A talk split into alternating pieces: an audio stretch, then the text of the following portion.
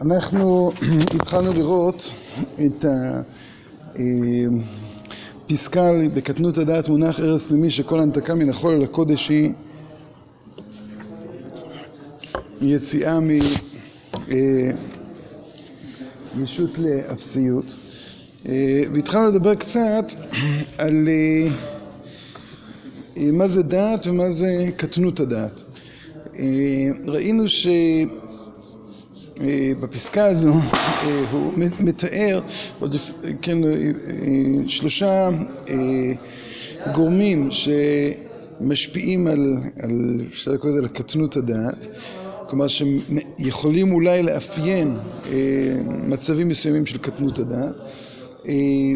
דבר ראשון ארז פנימי, דבר שני נדמה על ידו, דבר שלישי הנתקה מן החול הקודש היא דחייה מישות לאפסיות כן אז אמרנו שהארז הפנימי פירושו של דבר שיש פער בין החלקים המודעים של האדם לחלקים הלא מודעים של האדם. והארז פירושו של דבר אתה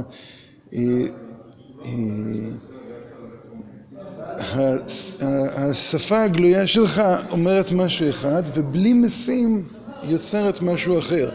והבלי משים הזה שיוצר משהו אחר גורם זה כמו ארז שרק בסוף בסוף שמים לב מה קרה כשזה קצת מאוחר מדי.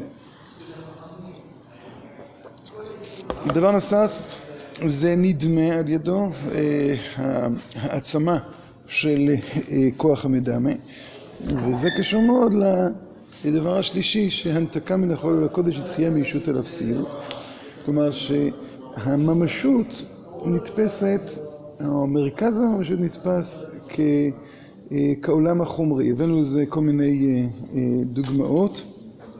בעזרת השם גם נביא לזה דוגמאות. כל אלה מאפיינים של הדעת בקטנותה. עכשיו מה זה הדעת בכלל? אז הזכרנו ובשביל זה רציתי שנראה את הפסקה הזו שדעת היא אפשר לקרוא לזה המכלול המכלול הנפשי שדרכו האדם נפגש עם המציאות אפשר לקרוא לזה באופן בסיסי באופן בלתי אמצעי. כלומר הדעת זה לא השכלה של האדם אלא זה התוצר של ההשכלה של האדם. הדעת זה לא הרגשות של האדם אלא זה התוצר של הרגשות של האדם. כלומר אפשר לקרוא לזה הפעולה אולי נקרא לזה אינסטינקטיבית של האדם בתור אדם. ככה הוא פוגש את המציאות. זה נקרא דעתו של אדם או ידיעותיו של האדם. והדבר הזה הוא מסוגל להזכיר לנו קצת את עץ הדעת עץ הדעת טוב ורע מול עץ החיים. שעץ החיים זה איזה כלומר כשבגן עדן כשקדוש ברוך הוא אומר עץ יש לנו כל מיני יש לנו המון דמיונות מה היה שם בגן עדן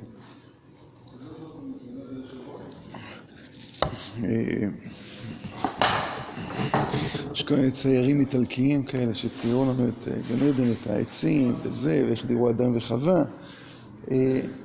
ולהבין שכל מה שכתוב בתורה לפחות עד אחרי חטא עץ הדעת זה משלים. למשל כשכתוב ויהיו ערומים ולא יתבוששו אז הכוונה היא זה שהמושג בגד כפי שהוא מופיע אצלנו לא היה אצלם. נניח כהן הגדול יש בגדים לכבוד ולתפארת. שזה לא קשור לבושה זה קשור לחלק מהכבוד שלו. וזה כן היה להם לפני החטא. או כשכתוב לנו עץ הדעת בתוך הגן אז מה פירוש בתוך הגן? זה העץ פירושו של דבר אפשר לקרוא לזה קומה שלמה זה צורת מבט או צורת חיים שלמה שזה התוך של הגן, זה הפנים של הגן היה להם בחירה בין שני צדדים. ושני הצדדים האלה, היה להם הרבה משמעויות. צד אחד זה עץ החיים, וצד שני זה עץ הדעת. אז כשהתורה אומרת, עץ חיים היא למחזיקים בה, ותורכיה מאושר, אז היא אומרת, הנה, התורה זה סוג של עץ חיים. אז אתה לא תנסה עכשיו לנסות לשאול את עצמך איזה סוג של פרי זה היה, אם זה היה תפוח, או אם זה היה חיטה, או שעורה, או תאנה, או גפן, או רימון. אלא זה קומה, קומה, זה מבט. לכן למשל, לפני החטא לא כתוב שאסור לאכול מעץ החיים. עכשיו, סתם שאלה, נכון? אחרי החטא, אחרי החטא, פן יאכל מעץ החיים, נכון? וחי לעולם. עכשיו, מה קורה אם האדם הראשון היה בוחר הפוך? היה אוכל מעץ החיים ואחרי זה אוכל מעץ הדת? אז הוא היה חי לעולם, נכון? אז זה סתם... הקדים, הלוא קודם היה מותר לאכול מעץ החיים. סתם הקדים את השעה, אלא, באמת אלה שתי אלטרנטיבות. שתי אלטרנטיבות להתבוננות על, הכל. וה... אז עץ החיים, אפשר לקרוא לזה, זה הפגישה עם, עם הכל. אנחנו רואים את זה אצל אדם הראשון לפני החטא, וגם אצל חווה. רואים אצל אדם הראשון לפני החטא, כן, את, ה, את, ה, את זה שהוא יכל לקרוא בשמות ל, לכל היצורים. לדעת לקרוא בשם, פירושו של דבר שאתה חודר לעומק המהות של כל דבר, ואתה אומר, הנה, זה, זה ככה, זה הוא. כשחווה, הזכרנו את זה ביום שלישי, רואה את עץ הדעת, אז, או, או לפני זה, גם, גם זה הזכרנו ביום שלישי, שאדם הראשון, חז"ל אומרים, שכיוון שנברא אדם, עמד והכיר בטובתם של גשמים. וזה פלא. כתוב שהרש"י שם אומר את זה, שהגשמים עוד לא יצאו, שהצמחים לא יצאו. הצמחים לא יצאו, הוא כבר ידע שאמורים להיות צמחים. הוא כבר ידע שמה שמגדל צמחים זה גשם, ועל זה הוא בא והתפלל. והוא גם מבין שכנראה תפילה תעזור.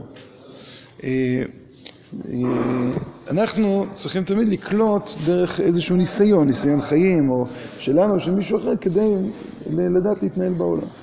אם ישימו אותנו פתאום באיזה מקום שאנחנו לא יודעים בכלל, אנחנו ננסה לשחזר על פי, על סמך ידיעות שאנחנו כבר ידענו קודם.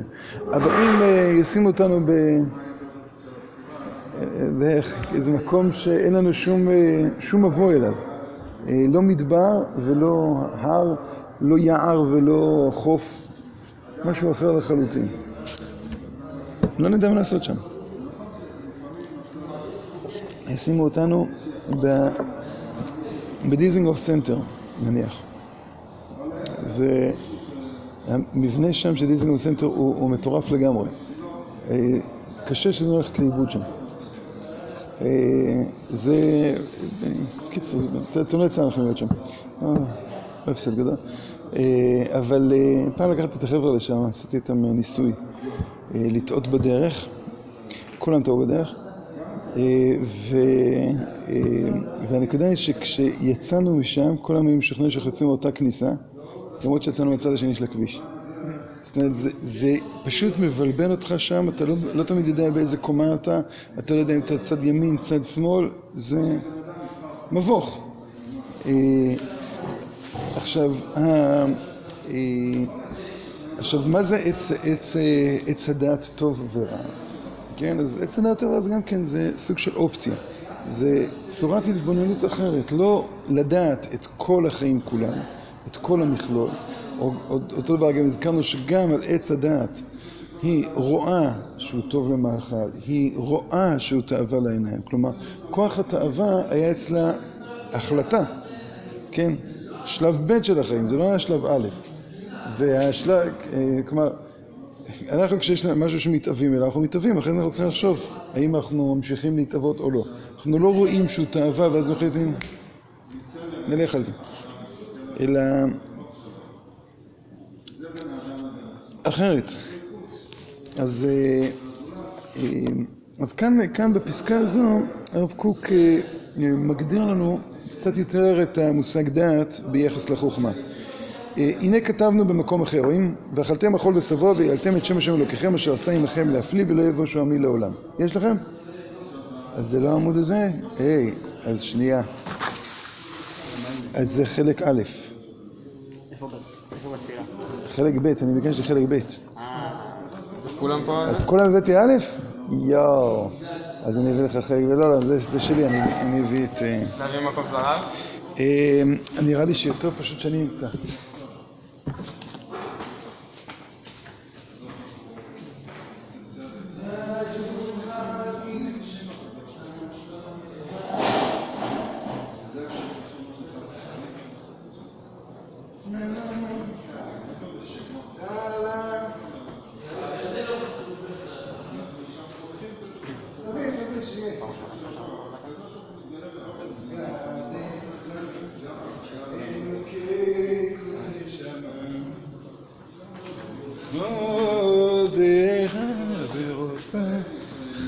ואימה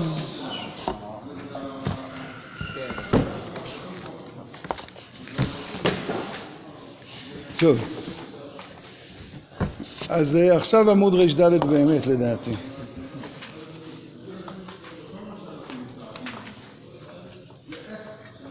כן? יש למישהו עיפרון פה בטעות? לא, לא נורא, יש. איזה יופי. הם לא רושמים שם? זה המהדורה ה- האמצעית. לא כתוב בצד אבל... לא, זהו. אני אומר, זה המהדורה האמצעית, אחרי זה הם עלו על הרעיון. אה, יש ד'. נכון? השם, איזה פסוק זה מתחיל? פסוק לעמוד, כן. שם לוקח נותן לך, זה הסוף. אה, בסדר. ר"ד.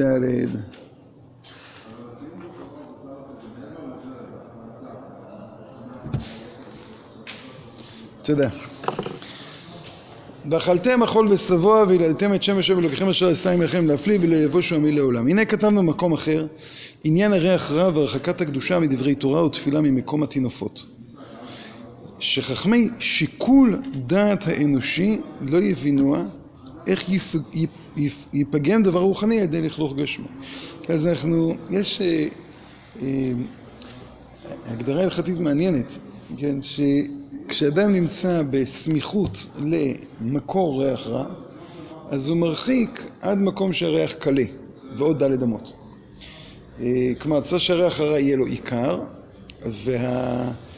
והלכלוך הזה, הטינופת הזו, הצואה, היא מוגדרת, כלומר, נקרא לזה ההיקף של ה... נקרא לזה ש... של מקומה מוגדר לפי הריח. עכשיו, הריח הלא זה משהו שאין בו ממשות. אה, וחז"ל הגדירו את ה... את ה... אה, אפשר להגיד התכונה הזו של הלכלוך דווקא דרך, הריח, כן? אה, או בעיקר דרך הריח. עכשיו, זה דבר לא מובן. חכמי שיקול דעת האנושי אה, באים ואומרים, בעצם מה, מה זה משנה? כלומר, אתה עכשיו עסוק בחוכמה. אם זה מסיח את דעתך, כמו כל דבר שמסיח את דעתך, אם אתה עכשיו עומד להתפלל ויש אה, מסביבך מוזיקה רועשת, מותר לך להתפלל. אם אתה לא מצליח להתרכז, אז אה, אל תתפלל שם. אתה מצליח להתרכז, תתפלל שם, זה רק שאלה, נקרא לזה סובייקטיבית. אה, יש אנשים, טוב, זו שאלה מעניינת, אגב, תתרנים. איך הם מגדירים את המרחק שלהם ממקום טינופת וריח רע. כן, שאלה בעצם די מעשית עכשיו, אה, ה- זה זה הלכה פשוט? אדם אה, הוא? ריח שיש לו עיקר. רפת, למשל.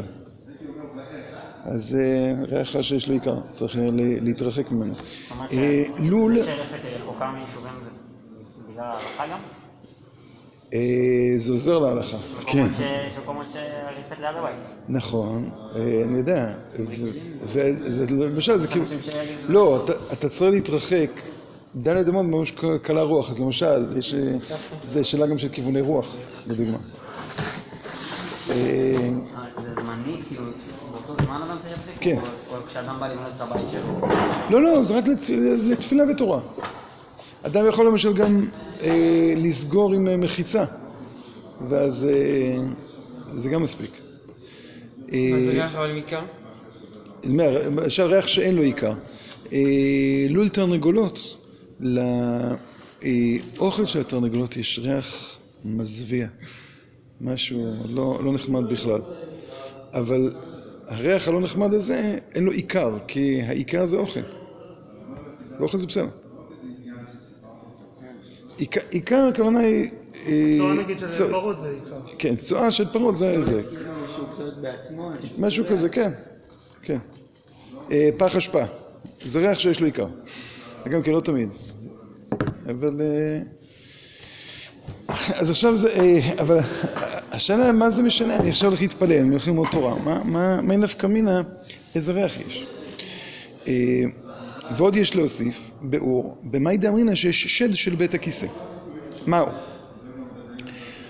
ובהקדמת הזוהר איתה דמתהני מהות טינופה, כן, הוא נהנה מה... הוא מתחיה מהטינופת. ומה זאת?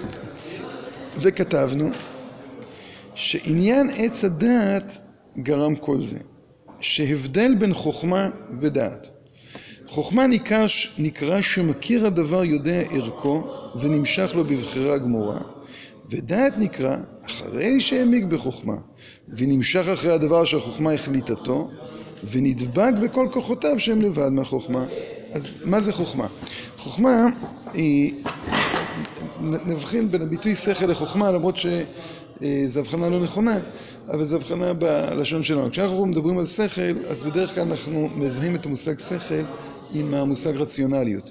רציונליות זה סוג מסוים של שכל ורציונליות זה שכל שיש לו אה, אפשר איזה כללי לוגיקה אה, מסוימים שאיתם אנחנו מתקדמים, למשל אה, אה, סיבה ומסובב זה אה, סוג של תפיסה אה, רציונלית של המציאות. כלומר אתה מנסה להפוך את המציאות מאוסף שלם של אה, אירועים לסדר מסוים. החשיבה של סיבה ומסובב לא ברור אם המציאות עצמה חושבת בצורה של סיבות ומסובבים. אבל אנחנו לא יכולים שלא לחשוב ככה.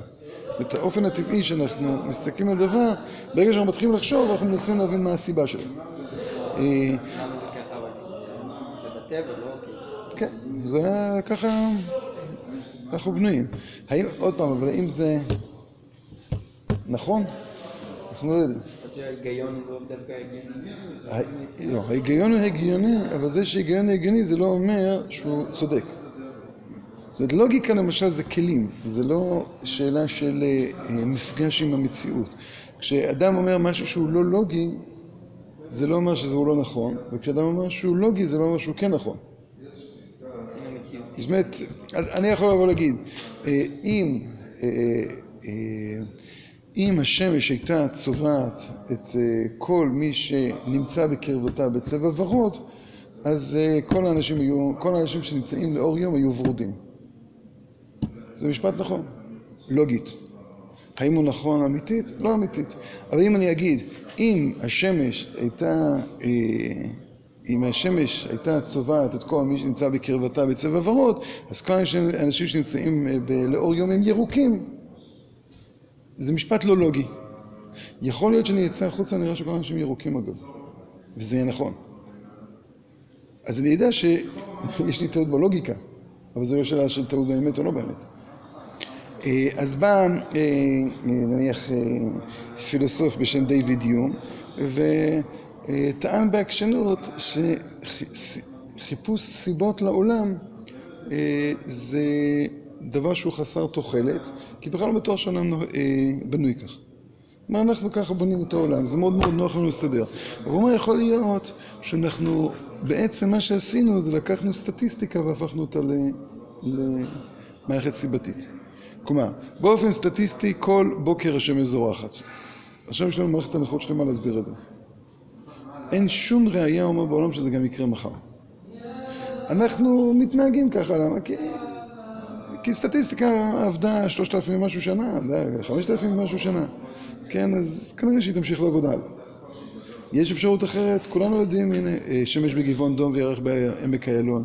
אנחנו כולנו יודעים שבדור המבול המאורות לא שימשו, נכון? רואים. איפה כל המערכת הסיבתית? אז אה, בתור אה, אנשים דתיים, אז אנשים דתיים יגידו זה נס, נכון? אז מה אומר נס? נס בא ואומר, תקשיב, הלוגיקה היא כבודה במקומה מונח על חלק מאוד קטן של המציאות. אה, זה, זה, זה, זה צורת הסברה מסוימת של, של דברים, ויש לה, לה מגבלות. דיוויד יום שהיה אתאיסט במקרה, אז בא ואמר בכלל כל השיטה הזו היא לא, היא לא משהו. למה? הוא הגיע לאיזה מסקנות? אה, כן, הוא הגיע למסקנות. הוא הגיע למסקנות שאנחנו לא מסוגלים באמת לתפוס את המציאות למשל.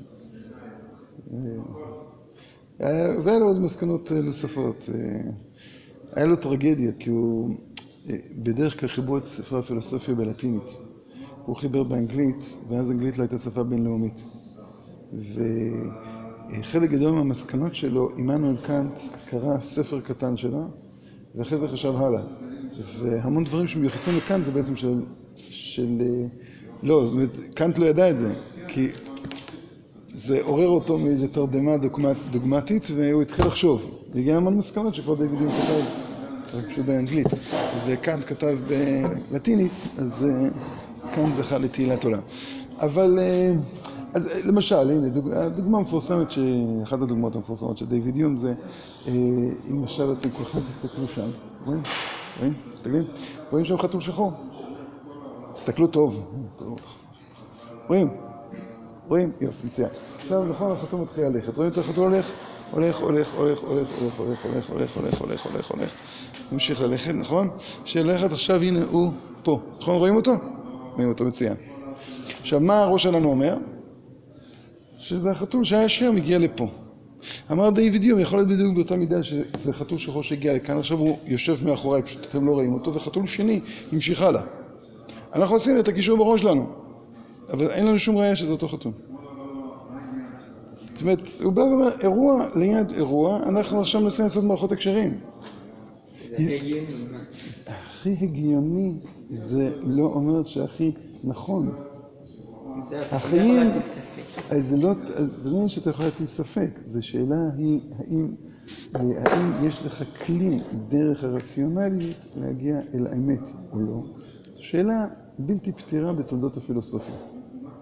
מהי האמת? וגם זו שאלה אפילו גם כשאתה יודע מהי האמת, מהי האמת. אה, כלומר, למשל, ישנם המון המון אירועים שאתה יכול לתאר בכמה וכמה מישורים שכולם צודקים. מהי האמת? למשל, הנה, תנועה זו, מה גרם לה?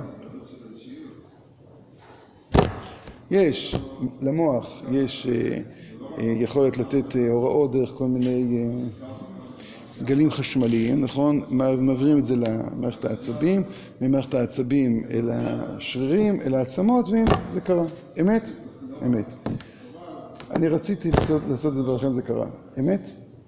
מה יותר אמיתי? אז, אבל ממילא אתה כבר לא יכול לדעת מה, איזה מערכת היא נכונה יותר. כי רצון למשל הוא לא עובד באופן סיבתי. כלומר, להגיד את המילה לכן זה לא אותו לכן של הלכן הקודם. כי זה לא מערכות של סיבות מסובבים. כשאתה מגיע להיסטוריה, היסטוריה זה לא כרונולוגיה, היסטוריה זה, זה, זה מדע שלם שהזכרנו גם אה, באלול שהוא לא כל כך מדע על פי פופר, אבל, אבל, אה, אבל אה, זה מדע שלם שהמחלוקות הגדולות בין ההיסטוריונים זה לא רק בעובדות, עובדות זה הדבר הכי פשוט שיכול לקרות, אלא השאלה היא הפרשנות של עובדות, ופרשנות של עובדות זה גם שאלה של איזה מערכת סיבתית אתה מפעיל שם בפנים. וגם איזה מערכת ערכית. עכשיו, משקלים של ידיעות, וזה, עוד פעם, כשאתה משרטט למשל, למה פרצה מלחמת העולם הראשונה? זו שאלה מצוינת, שלא ברורה כל כך. האם זה אוסף מקרים, האם זה ניצול ציני של מציאות מסוימת, האם בגלל מה שמקובל שהרגו את יורש העצר ה... כן, אוסטרי. האם זה בגלל שלמלכה היה כאב בטן באותו יום? ככה טוען פרופסור מיכאל ארסגור, אם אני זוכר נכון. עכשיו, כל הסיבות האלה נכונות. אה, להבין בדיוק איך, זה, איך קרו דברים, זו שאלה. אה, אה, טוב, ו- ו- ו- וכהנה וכהנה וכהנה. אז לכן אומר, זה, שהגיוני, הגיוני זה לא מקביל למושג אמת. ולכן אמרתי, אני לא רוצה להשתמש בביטוי שכל, כי שכל אצלנו מקביל למילה היגיון. והיגיון זה לא כלי לחשיפת האמת, זה כלי לסדר, לסדר לעצמי טוב את המציאות. עכשיו, האם הסידור הזה הוא גם במקרה אה, קולע לאמת? לפעמים כן. האם זה אומר שהוא עצמו אמיתי? אני לפחות לא יודע. כשהרב קוק מדבר על חוכמה, הוא מדבר על משהו אחר. הוא אומר שחוכמה, עכשיו, אני- אביא איזה אפילו ראייה מהמשפט הזה. הוא כותב שחוכמה, מכיר הדבר יודע ערכו, ונמשך לו בבחירה גמורה. היגיון לא מייצר בחירה. היגיון מייצר אחד משני דברים, או תחושה של אי בחירה, או תחושה של אז מה. כלומר, למשל, אה, יש פה ירושלמים? כן, יש פה ירושלמים. אתה ירושלמי? מה? מעלה אדומים. מעלה אדומים, זה אותו כיוון. נניח אתם אה, אה, רוצים לנסוע הביתה ויורדים למטה לתפוס טרמפ. עכשיו יש את הטרמפיאדה ליד היישוב, שזה... לשם? יש את הטרמפיאדה מול, שזה לשם. אה, מה ההיגיון אומר שאם אני רוצה טרמפ לירושלים איפה לעמוד? ליד היישוב, נכון? למרות שבהחלט בהחלט יש היגיון אה, אחר לחלוטין, שאפשר להגיע לירושלים דרך אה, ערד, כביש, אה, שם של, נו, לא, כביש ים המלח, כביש 60, 90, סליחה, הנה, אפילו למעלה אדומים לפני, וזה יהיה נחמד ויהיה בסדר. אה, מה ההיגיון אומר? ההיגיון אומר שכנראה כדאי לתפוס את הטרמפ בצד הזה, נכון? יש לי בחירה? אה. מה הבחירה? זה בחירה אם, להשליך את ההיגיון וללכת לפי... יהיה מוזר מזה ללכת על זה. כן, זה לא ממש בחירה. זה לא ש... בחירה, אני אומר, יש לי עכשיו שני צדדים. זה לא שיש לי שני צדדים.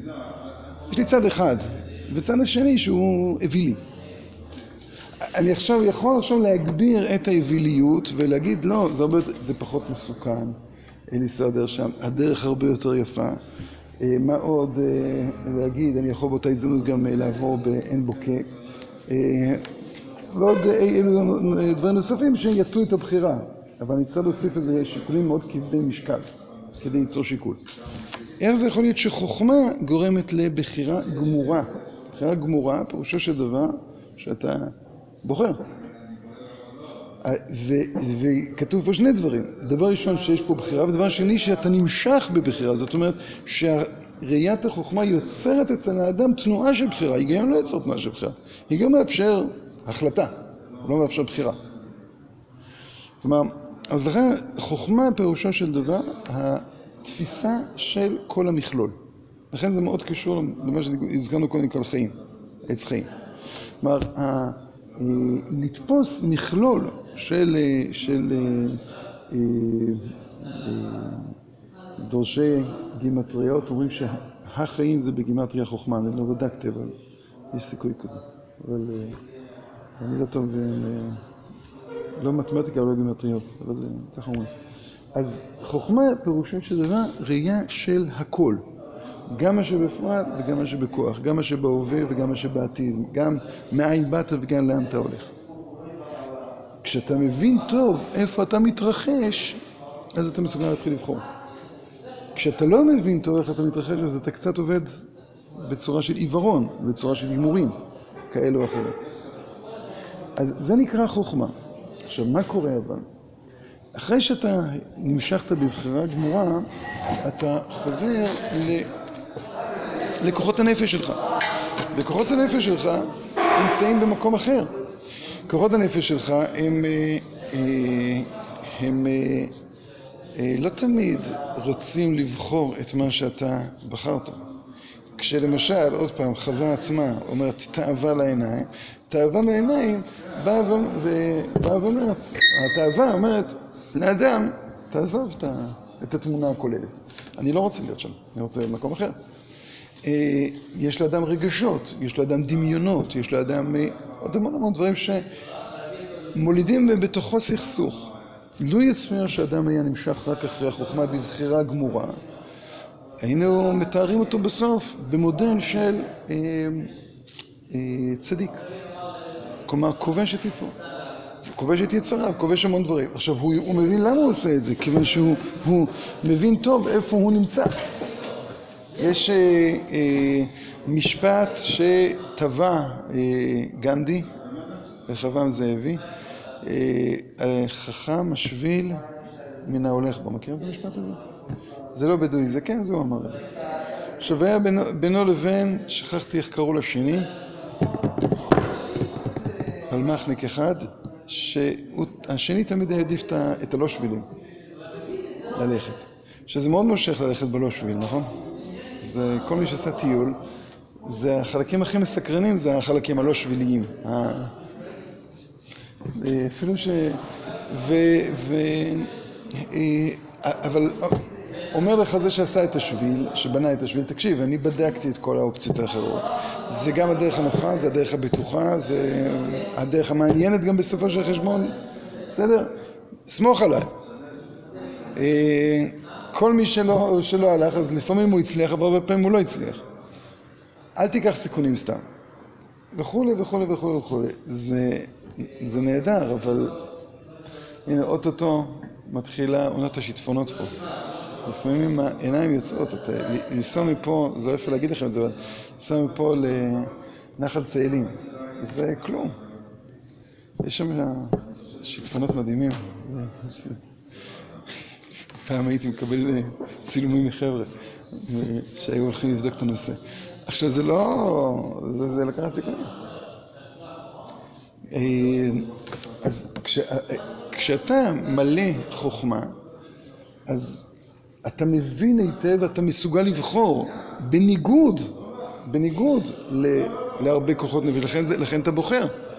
אבל אתה נמשך בבחירה גמורה כי אתה מבין טוב איפה אתה נמצא. הבעיה שלנו שהבחירה אצלנו היום מעומעמת, כי איבדנו את החוכמה. כן, החוכמה אצלנו היא, היא, אה, היא, לא, היא לא שלמה. אז אתה תבוא ותגיד, אבל יש היגיון. רק היגיון כזכור, הוא לא תמיד מקביל לאמת, בטח הוא לא מקביל, אה, הוא, הוא לא עומד במשקל מול המון המון המון אה, כוחות נפש אחרים של האדם. חוכמה מצליחה ליצור איזשהו שיקול דעת, אבל על גבי שיקול הדעת הזה צריך את הדעת. כן? כלומר, מה זה הדעת? הדעת פירושו של דבר איך אתה עכשיו לוקח את אותה, במקרה הזה, אם אתה מקדים את החוכמה לדעת, כן? אז איך אתה לוקח את החוכמה ו... אה, כזה מפשט אותה, מפשיט אותה, כן, אל כל כוחות החיים של האדם. דעת עסוקה בכל כוחות החיים של האדם. לכן אמרנו, הדעת זה הסיכום האנושי. זה לא שכל. זה לא שכל, זה לא חוכמה, זה תולדה של כל המכלול של האדם. כשאתה מקדים את הדעת לחוכמה, כן, אז אתה בא ואומר, אני מנסה להתעלם, מ, אפשר לקרוא לזה מזירת ההתרחשות. אני מנסה, להת, ל, ל, לא מנסה, מתעלם מהמרחב שבתוכו אני נמצא. לפעמים אני משתמש, משתמש באיזשהו, כן, אה, עולם רציונלי כדי לבנות לעצמי תמונה. אבל העולם הרציונלי שאני בונה הוא עולם שהוא לא עומד במבחן התשוקות של האדם, הוא לא עומד במבחן הדמיונות של האדם, הוא לא עומד במבחן הרגשות של האדם. למה? כי הוא לא באמת מצייר לאדם את כל המכלול. הוא מצייר לאדם תמונה, הוא מצייר לאדם אה, איזשהו פאזל ש... של אה, חלקים שמרכיב, כן, שמרכיב, אבל זה, אפשר לקרוא לזה לעולם הרציונלי ביחס לדעת של האדם, הוא עולם דו-ממדי ולא עולם רב-ממדי. ולדעת יש יתרון בזה שהיא רב-ממדית. החוכמה, היא באה ואומרת בוא תסתכל על הכל. עכשיו, היתרון של הדעת זה מול החוכמה, זה שהקול הזה עכשיו יכול להתדייק, להתפרץ. זה כמו שחז"ל אומרים שבבדיקת חמץ אה, בודקים לאור הנר, כי אור הנר יפה לבדיקה.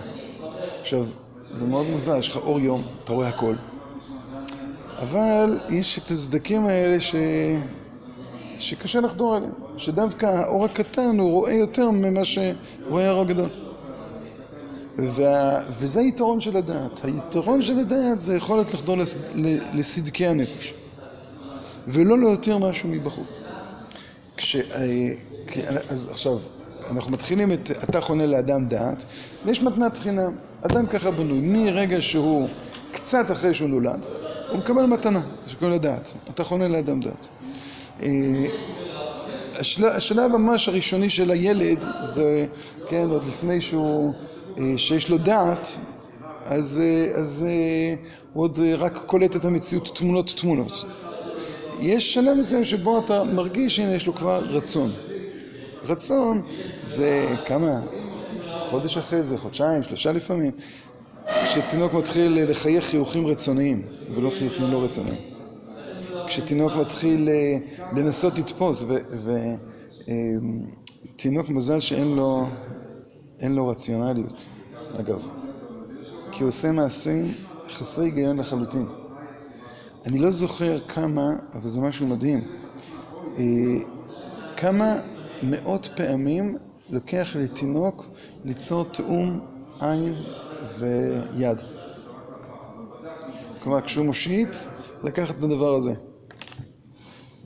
הוא מפספס ומפספס ומפספס. עכשיו, תארו לעצמכם שהיינו נותנים לכם תרגיל במתמטיקה, אה, לפתור, אתם מגיעים, הפתרון לא נכון. אומרים, טוב, תלך פעם נוספת, הפתרון לא נכון.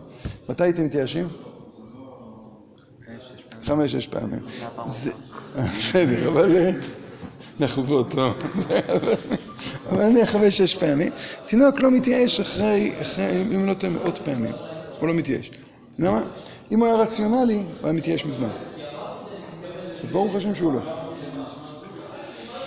אמ, אז אני אומר, אז, אז בגיל הזה מתחיל לדעת, דעת זה הסיכום, הסיכום של מה שיש לו. יש אבל כאילו רצון לתינוק הזה, יש רצון מהפעמים? יש לו רצון להגיע לשם, והוא לא, לא מוכן לוותר על זה, על הרצון הזה. ואיכשהו הוא קולט שיש קשר. זה רצון. זה רצון? זה רצון, מה? אינסטינקט. לא, זה לא אינסטינקט, זה פעולות מכוונות לחלוטין. כשהוא מושיט יד, זה, זה לא... זה... זה, זה לא אינסטינקט.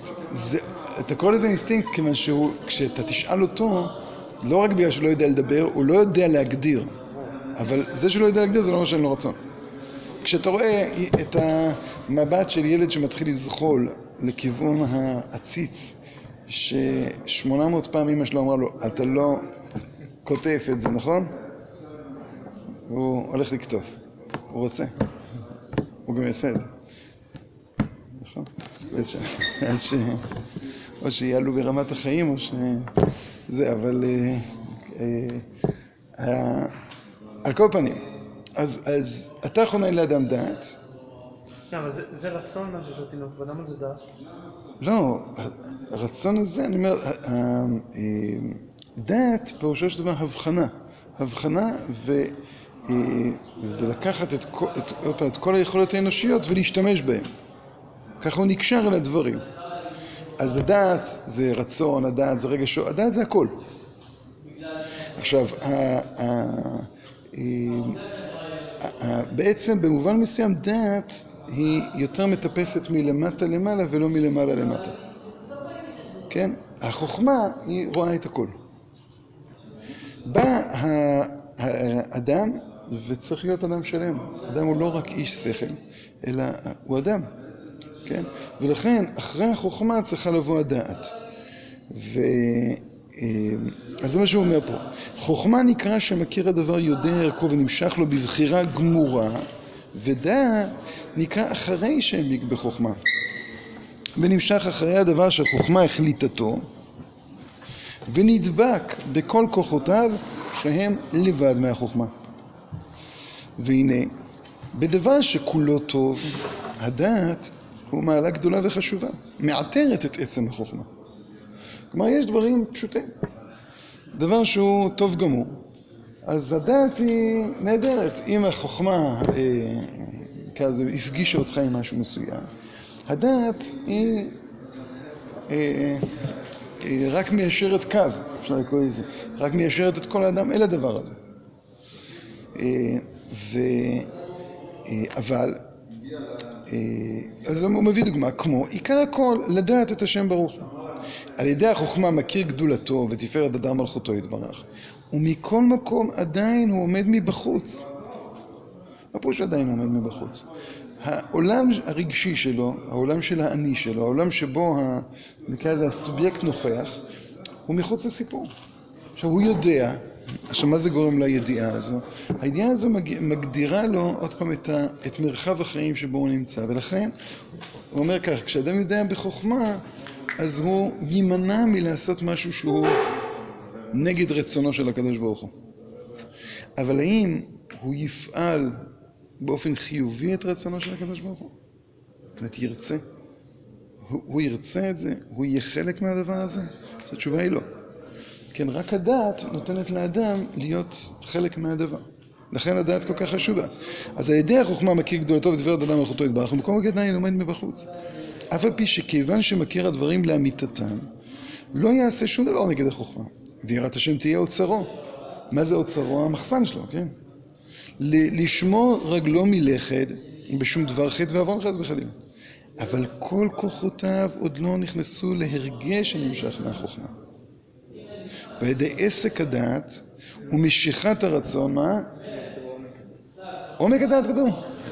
וואלה. אז אם אפשר בבקשה, את העיפרון שלך. כי פה, לדעתי, הם עשו את זה על ידי סריקה. תודה.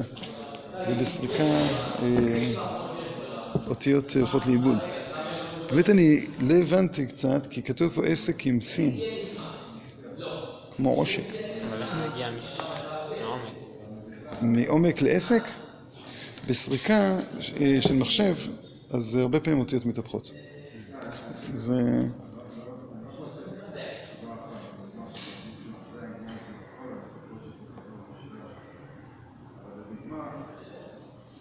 וואלה. זה פשוט, אני, אני הרבה כבר מוצא טועית פה.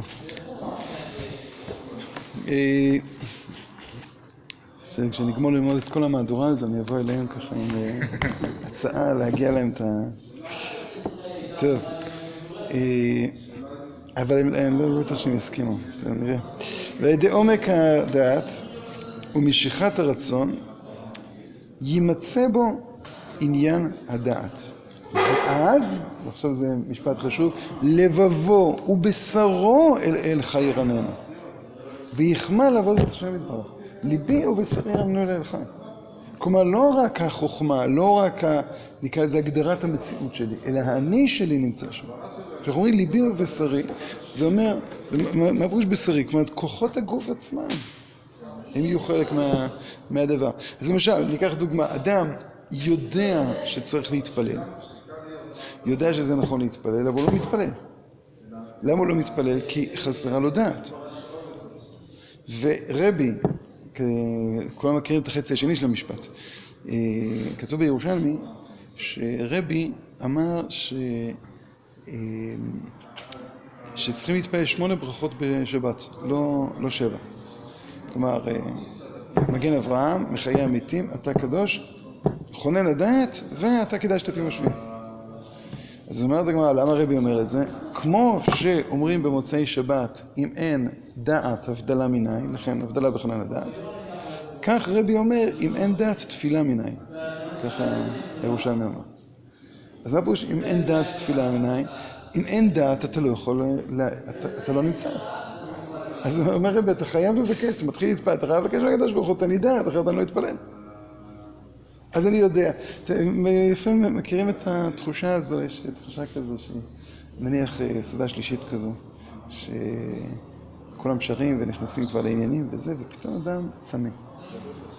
יוצא החוצה, שותה, וחוזר, וכולם באמצע, נניח, לצורך הניגון שאתם כן מכירים, ארבע בבות, ואתה מגיע באמצע הבבא השלישית, וכולם שם בפנים ואתה מבחוץ. עכשיו, מה זה גורם לך? להיות עוד יותר מבחוץ, נכון? אתה מנסה להצטרף, אתה אומר, רגע, אני כבר פספסתי את הרכבת, היא המשיכה קדימה.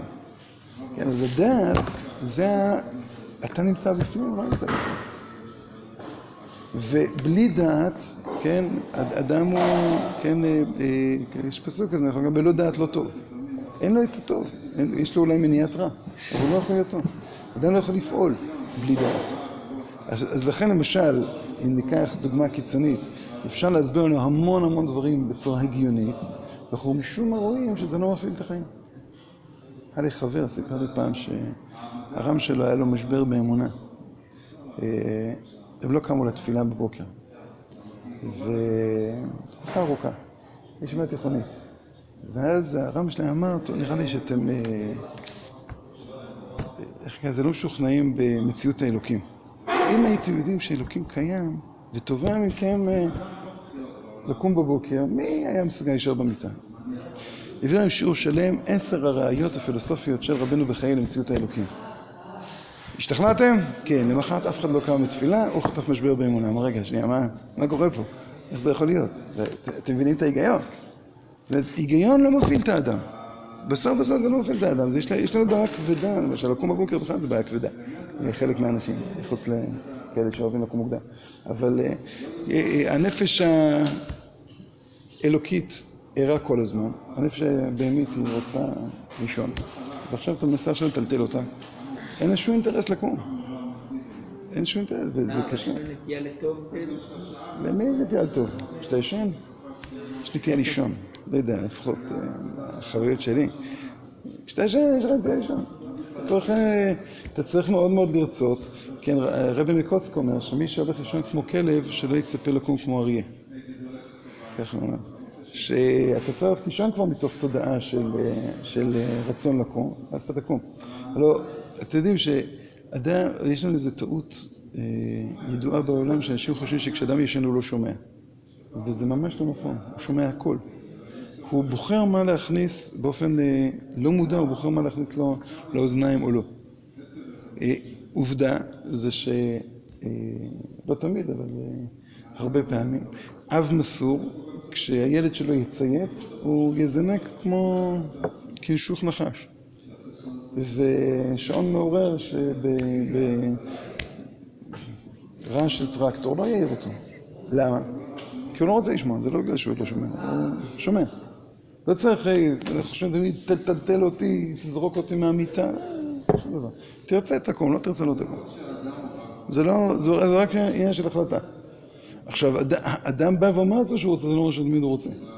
אני חושב תמיד על זה שכתוב, בתחילת שולחן ערוך, יתגבר כארי. למה כתוב יתגבר כארי?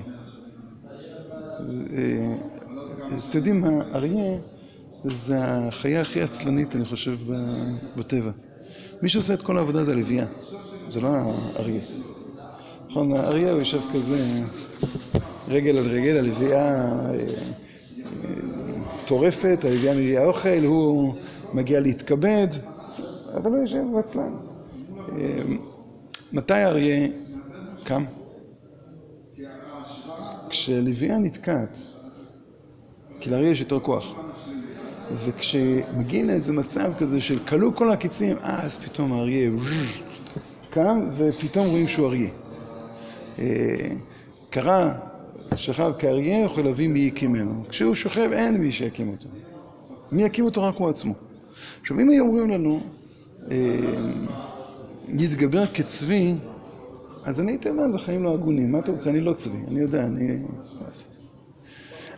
יתגבר כארי, פירושו של דבר, תהפוך את זה לקיומי כל כך, ששם החיים שלך נעוצים, אז אתה מסוגל להתגבר. בערך החז"ל אומרים לך, תקשיב, אתה רוצה לקום בבוקר? אז זה צריך להיות חלק ממך, כלומר, זה צריך להיות בדעת שלך ולא בשכל שלך. זה צריך להיות בדעת שלך ולא בחוכמה שלך. אחרת אתה לא תוכל להניע את החיים. איך זה קורה? מה קורה במעבר בין החוכמה לדעת? זה לאט לאט. קודם כל אנחנו מנסים להבין מה זה דעת. זאת אומרת, אם הבנו מה זה דעת זה שלב א'. עכשיו, איך מגיעים לדעת זה עוד שלב. אבל דבר ראשון, לעצור את ההבחנה הזו בין חוכמה לבין דעת. נעצור פה, ופעם הבאה אנחנו נמשיך הלאה לראות את חטא עץ הדעת. זאת אומרת, איפה הדעת לפני שנראה איך מגיעים לדעת, נראה מה קורה כשמגיעים לדעת אה, היום, שזה לא תמיד משהו. השם יעזרנו. מה זה בעצם דעת זה, אמר, אמרתי עוד פעם, זה סיכום מכלול החיים האנושיים, מכלול ה, כל כוחות הנפש של האדם, זה הדעת. זה הרגש והשכל והרצון והתאוות וה, וה, והבשר והגוף והכל הכל הכל. ליבי ובשרי, בעזרת השם ירננו לאל חי, הלוואי.